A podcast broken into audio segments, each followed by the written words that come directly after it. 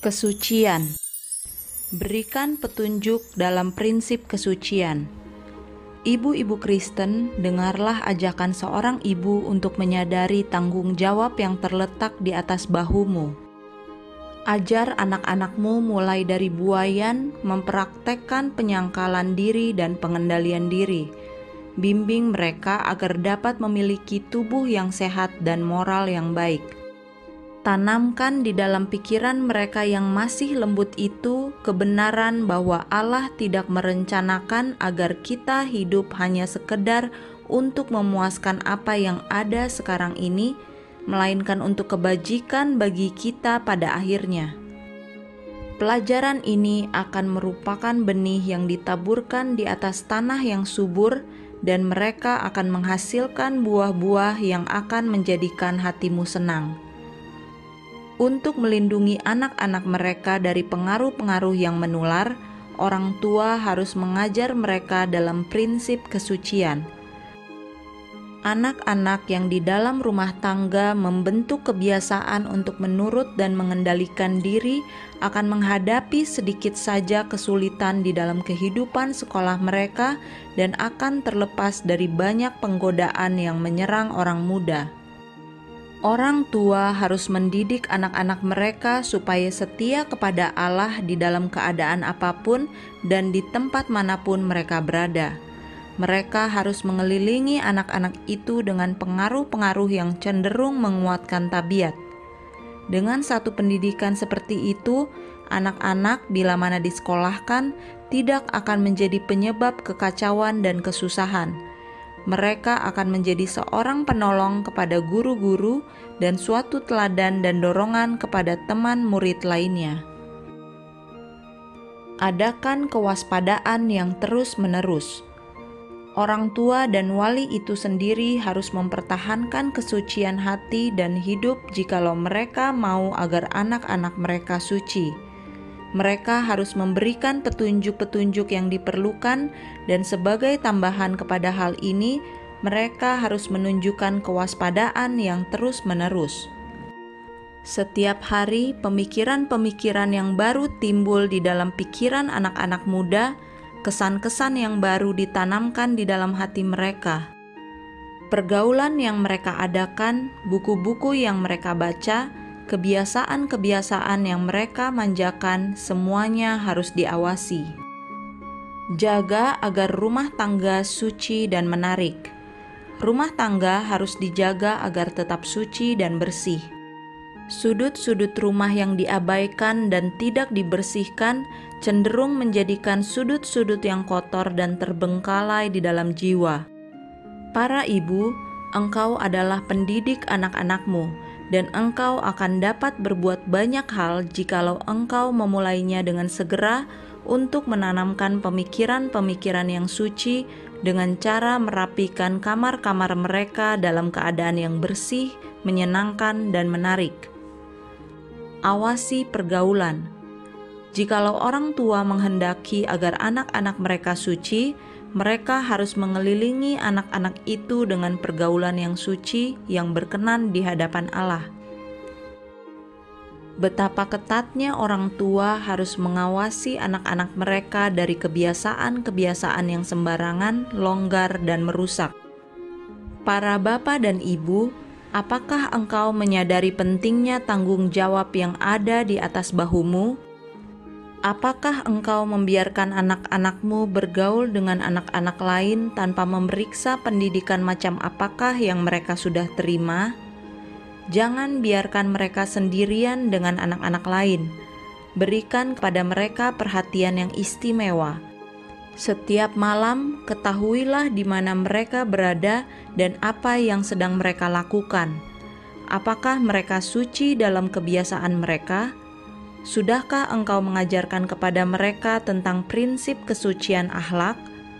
Jikalau engkau tidak mengabaikan untuk mengajar mereka tahapan demi tahapan, peraturan demi peraturan, maka janganlah biarkan satu hari berlalu tanpa mengakui kepada mereka bahwa engkau telah melalaikan hal ini.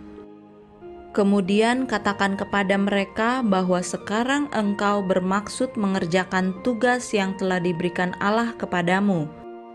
Ajak mereka bersama-sama engkau berpegang teguh kepada pembaharuan itu. Tetangga-tetangga mungkin mengizinkan anak-anak mereka datang ke rumahmu dan bermalam bersama dengan anak-anakmu.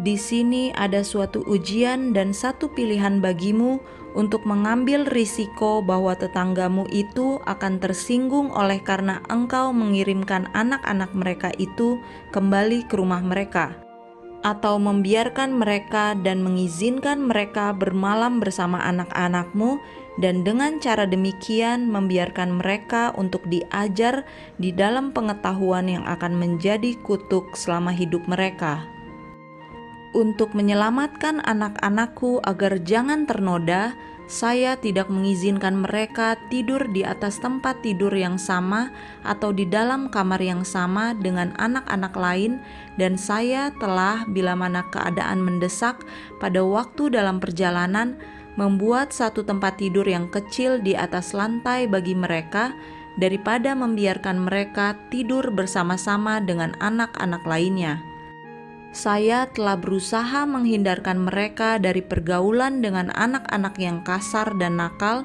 dan telah membujuk mereka untuk bekerja di dalam rumah dengan hati yang riang gembira. Dengan membiarkan tangan dan pikiran mereka sibuk, maka mereka hanya mempunyai sedikit saja waktu atau kecenderungan untuk bermain-main di jalan dengan anak-anak lain dan memperoleh pendidikan dari pinggir jalan dirikan pagar pelindung terhadap hawa nafsu birahi.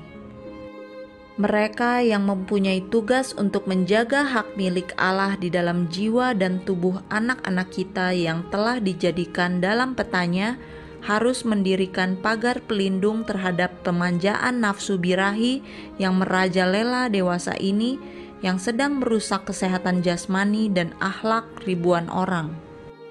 Jikalau sebab yang sebenarnya dari banyak kejahatan yang ada sekarang ini dicari, akan tampak bahwa itu disebabkan oleh karena kelalaian para bapak dan ibu yang bersikap acuh tak acuh terhadap hal ini.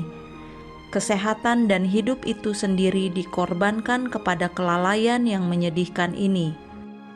Orang tua jikalau engkau gagal memberikan kepada anak-anakmu pendidikan untuk mana Allah telah menjadikannya sebagai tugasmu, maka engkau harus mempertanggungjawabkan segala akibat-akibatnya padanya. Akibat-akibat ini tidaklah terbatas hanya kepada anak-anakmu saja.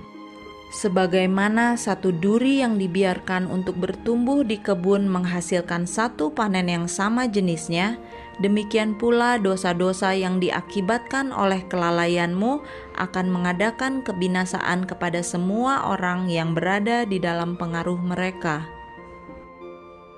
Penuhi pikiran dengan hal-hal yang suci. Kehidupan Kristen adalah satu kehidupan yang dipenuhi oleh penyangkalan diri dan pengendalian diri yang terus-menerus. Semuanya ini adalah pelajaran yang harus diajarkan kepada anak-anak mulai dari masa bayi mereka.